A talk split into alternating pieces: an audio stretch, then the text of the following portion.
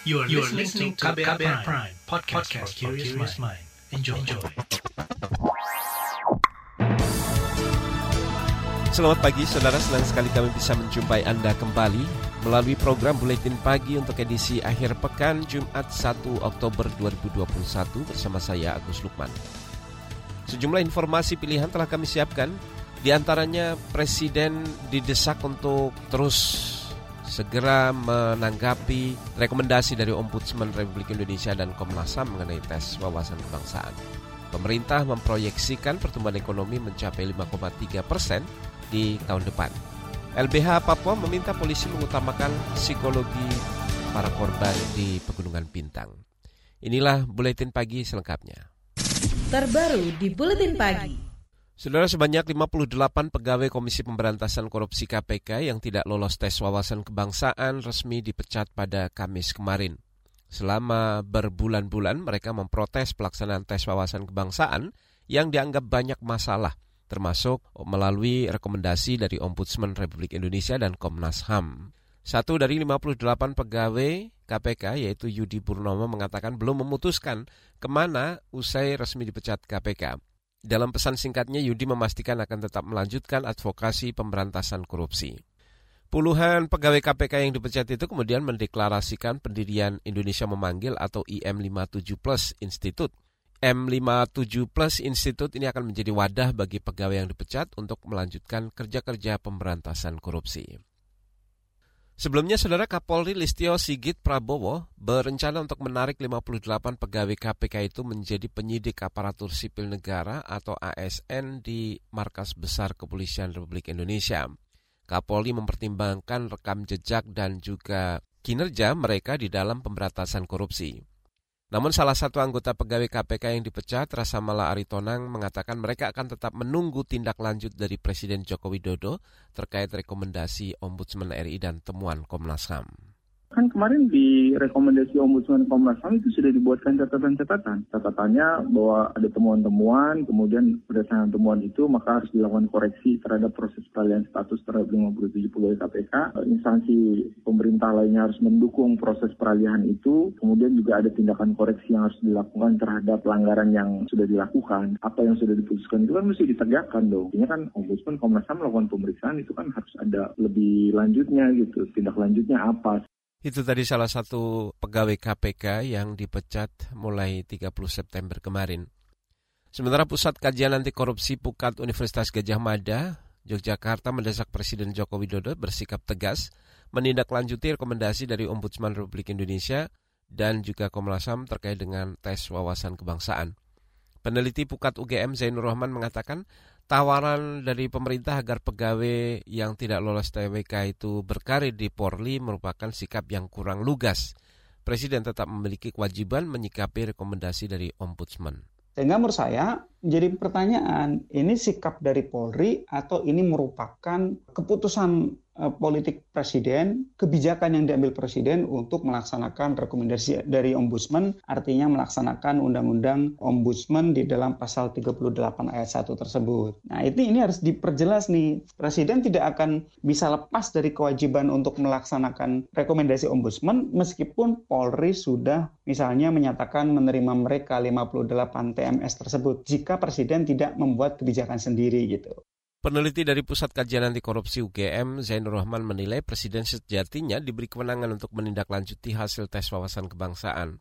Berdasarkan undang-undang, Presiden Joko Widodo dapat melaksanakan rekomendasi Ombudsman dan Komnas HAM dengan melanjutkan alih status pegawai KPK menjadi aparatur sipil negara.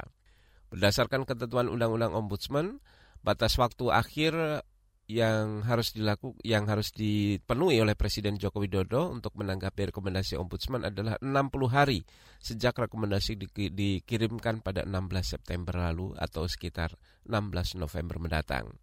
KBR berusaha menghubungi Ombudsman namun hingga hari ini belum ada tanggapan dari Ombudsman mengenai dugaan pengabaian rekomendasi oleh Presiden Joko Widodo. Saudara pemecatan 58 pegawai KPK dinilai oleh pakar hukum tata negara dari Universitas Andalas Padang Charles Simabura sebagai tindakan tercela dari Presiden Joko Widodo. Charles mengatakan Jokowi mengabaikan rekomendasi dua lembaga independen yaitu Ombudsman dan Komnas HAM mengenai polemik tes wawasan kebangsaan. Charles menilai Jokowi melanggar undang-undang saya mengatakan per hari ini ya Presiden tidak melaksanakan rekomendasi Komnas HAM dan uh, ORI. Kenapa? Karena akhirnya teman-teman itu kan keluar dari KPK. Dan ini jelas bagi saya bukan sekedar perbuatan tercela tapi melanggar sumpah dan janji sebagai Presiden ya. Nah, di mana kemudian salah satunya itu adalah melaksanakan undang-undang sebaik-baiknya dan peraturan perundang-undangan. Undang-undang apa yang undang-undang tentang ORI, undang-undang tentang Ombudsman gitu, dan undang-undang tentang KPK sendiri ya yang kemudian menyatakan bahwa alih status ASN itu tidak boleh merugikan hak-hak kepegawaian. Pakar Hukum Tata Negara dari Universitas Andalas Padang, Charles Simabura menambahkan dalam rekomendasi Komnas HAM maupun Ombudsman, semestinya Presiden yang bersikap bukan malah menggeser tanggung jawab ke Polri dengan wacana menarik 50 pega, 56 pegawai KPK itu ke institusi Polri. Komentar serupa juga disampaikan pakar hukum dari Universitas Pajajaran Bandung, Susi Dwi Haryanti. Susi mendorong DPR untuk memanggil Presiden Joko Widodo jika masih mengabaikan temuan dari Komnas HAM dan Ombudsman mengenai tes wawasan kebangsaan. Susi mengatakan Presiden Jokowi sejauh ini belum memberikan sikap dan pernyataan resmi mengenai pemecatan 50-an pegawai KPK itu dan secara normatif DPR bisa menanyakan hal itu kepada Presiden. Kalau memang DPR mau menjalankan fungsi pengawasan itu dengan baik, maka seharusnya DPR menjalankan hak-hak yang dia miliki untuk dia dia dia tanya gitu kan kepada kepada uh, presiden. Nanti kan presiden bisa kemudian mewakilkan kepada menteri yang berkaitan dengan persoalan-persoalan itu. Jadi sekarang tiba saatnya ketika presiden tidak melakukan tindakan apa pun maka tiba saatnya sekarang DPR melakukan fungsi-fungsi tersebut. Susi Dwi Haryanti yang juga guru besar Fakultas Hukum di Universitas Pajajaran Bandung ini menambahkan semestinya DPR tergerak melihat desakan dari koalisi masyarakat sipil hingga akademisi dan mahasiswa. Namun ia tidak yakin DPR akan melakukan pengawasan secara baik karena postur koalisi politik yang dominan dikuasai oleh partai-partai pendukung pemerintah. KBR sudah menghubungi partai-partai oposisi di DPR namun hingga malam tadi belum ada tanggapan. Tingkat konsumsi masyarakat kini mulai membaik seiring menurunnya kasus COVID-19. Informasi selengkapnya kami hadirkan sesaat lagi, tetaplah di Buletin Pagi KBR. You're listening to KBR Pride, podcast for curious mind. Enjoy!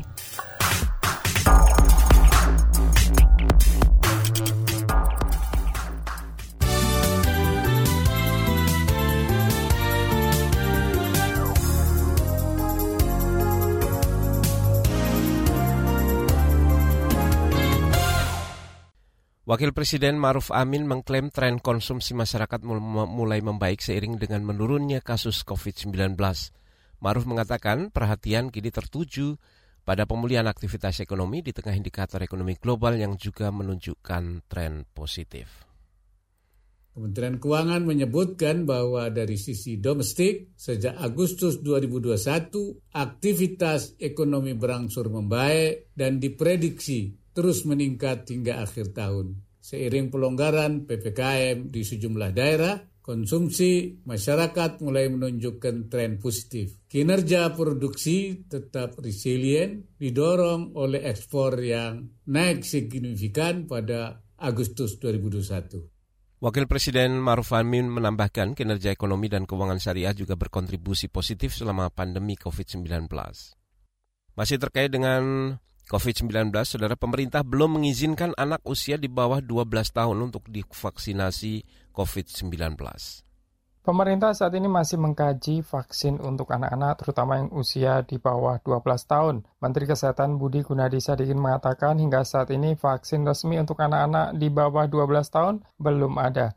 Memang yang lebih penting guru-guru. Guru-guru itu belum semuanya divaksin, jadi itu yang harus diutamakan. Kalau anak-anak yang terkena tuh kecil sekali. Ya kalau ataupun kena biasanya tanpa gejala dan nggak masuk rumah sakit. Sampai sekarang Pfizer baru boleh digunakan di atas 12 tahun. Jadi belum di bawah 12 tahun. Jadi SD sama TK memang belum ada rekomendasi resmi dari perusahaan vaksin. Pemerintah terus menggenjot vaksinasi untuk anak usia 12 tahun hingga 18 tahun. Langkah ini juga untuk mempercepat proses pembelajaran tatap muka atau PTM di sekolah. PAUD, SD, TK, SMP hingga SMA mulai menggelar PTM terbatas. Namun pembukaan PTM selama dua pekan itu memunculkan kelas terbaru. Banyak juga temuan PTM melanggar protokol kesehatan. Dari Solo, Jawa Tengah, Yuda Satriawan, KBR. Saudara kita ke informasi ekonomi, pemerintah memproyeksikan pertumbuhan ekonomi tahun depan bakal mencapai 5,2 persen. Menteri Keuangan Sri Mulyani Indrawati mengatakan hal ini ditopang dari upaya pemulihan ekonomi yang terus terjaga. Ia juga memprediksi ada tiga sektor yang jadi penopang utama pertumbuhan ekonomi Indonesia. Dilihat dari sumber pertumbuhan, kinerja ekonomi tahun 2022 akan ditopang oleh pulihnya konsumsi masyarakat, investasi, dan juga perdagangan internasional. Tingkat kepercayaan konsumen yang meningkat akan mendorong konsumsi dan membangkitkan sisi produksi serta mengakselerasi perekonomian kita. Menteri Keuangan Sri Mulyani menilai proyeksi pertumbuhan ekonomi 5,2 persen di tahun depan dinilai cukup realistis. Pertumbuhan pertimbangannya adalah dinamika pemulihan dan reformasi struktural yang mendorong kinerja ekonomi lebih akseleratif. Saudara kita ke informasi lain, komisi yang membidangi energi di DPR meminta pemerintah mengambil pelajaran dari krisis energi yang ada di Inggris dan juga di Tiongkok. Anggota Komisi Bidang Energi DPR Mulyanto mengingatkan pemerintah harus mengantisipasi risiko yang mungkin terjadi ketika melakukan transisi energi dari energi fosil ke sumber energi bersih atau energi baru terbarukan. Ternyata karena persoalan logistik dan harga gas yang fluktuatif akhirnya menyebabkan kelangkaan. Lalu akhirnya Inggris mengambil kebijakan untuk kembali ke uh, batu bara. Nah kita kan yang sudah semangat 2020 zero emission sehingga kita kurangi terkait pembangunan batu bara RTU baru. Nah ini harus hati-hati. Kita harus melihat juga kondisi-kondisi seperti ini. Jangan sampai ya tadi kita terjebak pada harga listrik yang mahal. Anggota Komisi Bidang Energi DPR Mulyanto menambahkan, rancangan Undang-Undang Energi Baru dan Terbarukan di DPR sudah mulai dibahas dan kini masuk tahap harmonisasi di Badan Legislasi DPR. Sementara itu, saudara sebelumnya Ketua Badan Legislasi DPR Supratman Andi Agas memastikan telah memasukkan aspek lingkungan di rancangan Undang-Undang Energi Baru Terbarukan. Kita ke informasi olahraga, saudara. Kita ke turnamen bulu tangkis bergu Piala Sudirman. Indonesia bakal menghadapi Malaysia di babak perempat final Piala Sudirman. Ini dipastikan melalui pengundian yang digelar Jumat dini hari tadi. Saudara tim bulu tangkis Indonesia lolos ke babak perempat final dengan status juara grup C setelah menundukkan Rusia, Kanada, dan Denmark. Sementara Malaysia lolos ke babak perempat final sebagai runner-up grup D di bawah Jepang.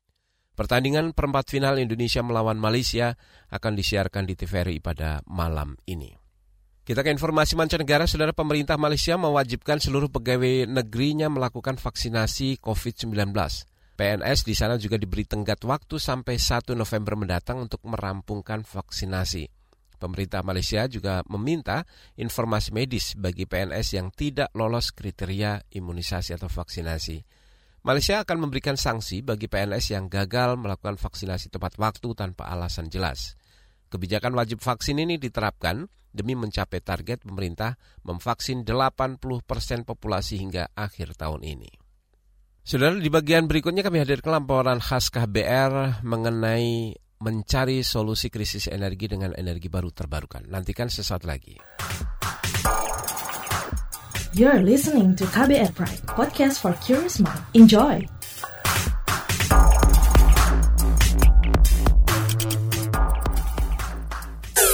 Commercial break. Transfer ke sini udah, bayar ini juga udah. Ke gue udah. Heh, Allah, pertumbuhan ekonomi tuh lagi melambat, persis kayak tabungan gue. Betul banget harus matang ngelola keuangan. Pengennya tuh investasi sesuatu gitu ya. Apa gitu yang cocok dan menguntungkan? Hmm, coba dengerin uang bicara deh. Gue belakangan lagi dengerin podcast itu di KBR Prime. Reksadana yang tadinya 500 juta udah turun dari 250 juta sekarang 10 ribu. Sama kita ngopi, mahalan mana?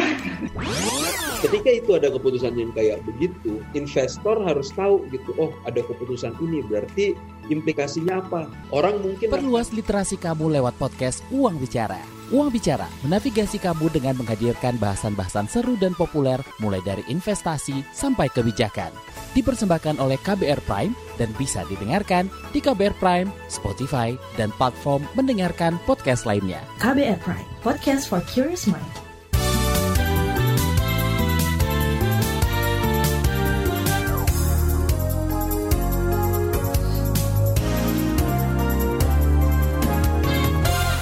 Anda masih bersama kami di Buletin Pagi KBR. Saudara Indonesia merupakan salah satu negara yang meratifikasi perjanjian Paris yang berisi komitmen dunia untuk mengurangi emisi karbon guna mencegah terjadinya perubahan iklim drastis yang bisa mengancam penduduk dunia. Salah satu biang keladi meningkatnya gas karbon adalah tingginya penggunaan energi fosil. Sejauh mana Indonesia mengurangi penggunaan energi fosil dan meningkatkan penggunaan energi baru terbarukan? Berikut laporan khas KBR dibacakan Fitri Anggraini. Pemerintah mengklaim akan mulai meninggalkan penggunaan energi kotor atau energi fosil dan beralih ke energi bersih atau energi baru terbarukan. Menteri Energi dan Sumber Daya Mineral Arifin Tashrif mengatakan Indonesia mengejar target bauran energi baru terbarukan sebesar 23 persen pada 2025 mendatang. Pengembangan energi baru terbarukan merupakan salah satu fokus kita saat ini. Bauran energi baru terbarukan kita baru mencapai 11,2 persen. Capaian tersebut masih jauh dari target 23 persen di tahun 2025. Kita akan terus berusaha untuk menaikkan porsi EBT ini, khususnya pada sektor kelistrikan. Langkah-langkah pengurangan energi fosil antara lain dilakukan perusahaan listrik negara PT PLN. Direktur Megaproyek Energi Baru Terbarukan dari PT PLN, Wiluyo Kusdwi Harto mengatakan sejak tahun lalu PLN sudah berkomitmen menghentikan pembangunan baru pembangkit listrik termal atau pembangkit tenaga panas dari fosil seperti batu bara. Meski begitu, proyek yang sudah kadung kontrak tetap akan jalan. Di sisi lain, PLN mulai membangun pembangkit-pembangkit listrik dari energi baru terbarukan seperti tenaga air atau PLTA, tenaga bayu atau angin, serta tenaga surya. Dan saat ini sudah kami bangun PLTA Jati Gede, Pak, 110 MW. Insya Allah tahun ini atau awal tahun depan bisa eh, COD. Usangan 8, 8 MW yang ada di Aceh. Kemudian Poso, Pak, yang ada di Sulawesi 200 MW. Ini adalah program yang sudah berjalan, Pak. Adapun PLTP Sokoria, kita juga sudah uh, melakukan proses uh, 30 MW, sorry Merapi 190 MW. Tirata Pak sudah mencapai financial close itu kita akan membangun 145 megawatt peak. Kemudian eh, PLTS Bali Barat 25 megawatt peak, PLTS Bali Timur 25 megawatt peak. Wiluyo Kusdwi Harto mengatakan potensi energi baru terbarukan di Indonesia melimpah, baik energi panas bumi, tenaga air, tenaga angin, bioenergi, dan lain-lain. PLN juga akan secara bertahap akan mempensiunkan pembangkit listrik batu bara 40 tahun ke depan. PLN menargetkan pada 2060 pembangkit listrik mereka sudah bebas emisi. Sementara itu, perusahaan minyak dan gas milik negara PT Pertamina juga melakukan sejumlah langkah mitigasi terkait perubahan dunia yang mulai berpindah dari energi fosil ke energi hijau. Direktur Utama PT Pertamina, Nike Widiawati, memperkirakan pertumbuhan energi hijau atau non-fosil akan meningkat sekitar tahun 2033. Pertamina bahkan akan masuk industri baterai untuk kendaraan listrik dan penghilangan energi hidrogen dari panas bumi. Renewable energy, green energy yang kita miliki hari ini adalah geothermal. Maka geothermal pun akan kita kembangkan.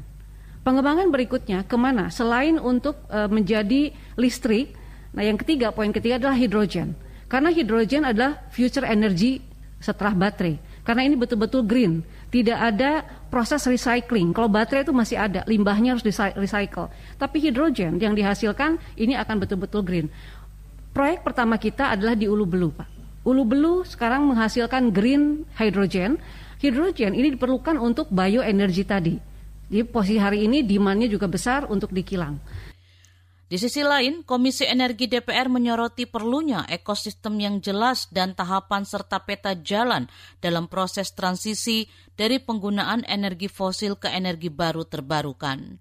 Ketua Komisi Energi DPR Sugeng Suparwoto mengatakan saat ini komisinya sudah menyiapkan draft rancangan undang-undang energi baru terbarukan untuk dijadikan payung hukum dalam proses transisi menuju kemandirian energi di Indonesia.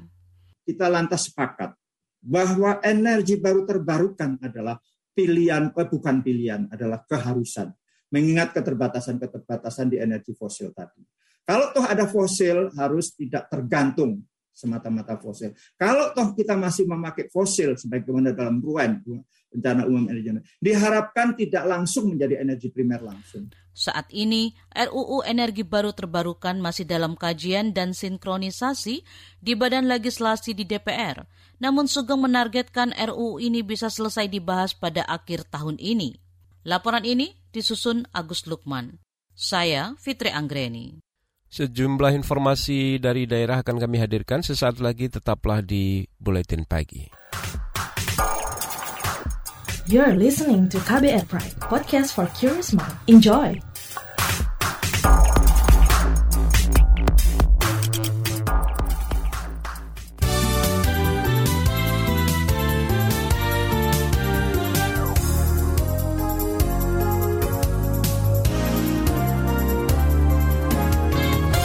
Kita berada di bagian akhir buletin pagi KBR. Saudara kita ke Papua. Lembaga Bantuan Hukum Papua mendesak kepolisian mengutamakan faktor psikologis para saksi dan korban penyerangan di distrik Kiwiro, Kabupaten Pegunungan Bintang, Papua. Direktur LBH Papua Emmanuel Gobey mengatakan hal ini setelah ada rencana dari kepolisian memanggil seorang tenaga kesehatan yang juga korban selamat dalam peristiwa pembakaran di distrik Kiwirok pada September lalu.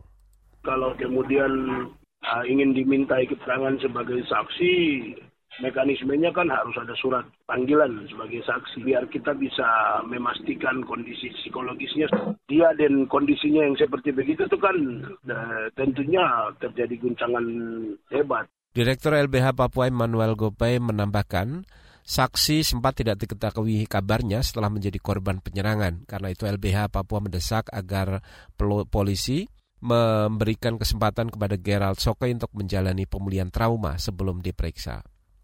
Saudara kita ke Kalimantan, volume sampah rumah tangga di kota Balikpapan, Kalimantan Timur meningkat selama pandemi COVID-19. Pelaksana tugas Kepala Dinas Kesehatan di kota Balikpapan, Nur Samsiarni, mengatakan masyarakat lebih banyak memanfaatkan layanan pesan antar daring ketimbang makan di tempat.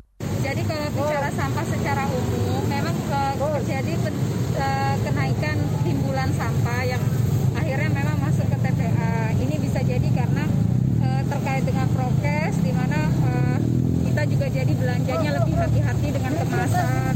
Kemudian adanya peningkatan pemesanan makanan, terutama umumnya atau pembelian secara online yang dari sisi Pelaksana tugas Dinas Kesehatan Kota Balikpapan Nur Samsiarni Larose menambahkan di musim pagebluk bertambah menjadi 400 ton per hari dari sebelumnya 10 ton per hari sampah. Guna menekan volume sampah, DPRD dan pemerintah Kota Balikpapan kembali merevisi perda tentang sampah. Informasi tadi saudara menutup jumpa kita di Buletin Pagi hari ini. Pantau juga informasi terkini melalui kabar baru, situs kbr.id, Twitter kami di akun @beritaKBR dan podcast di alamat kbrprime.id. Akhirnya saya Agus Lukman, kami undur diri. Salam.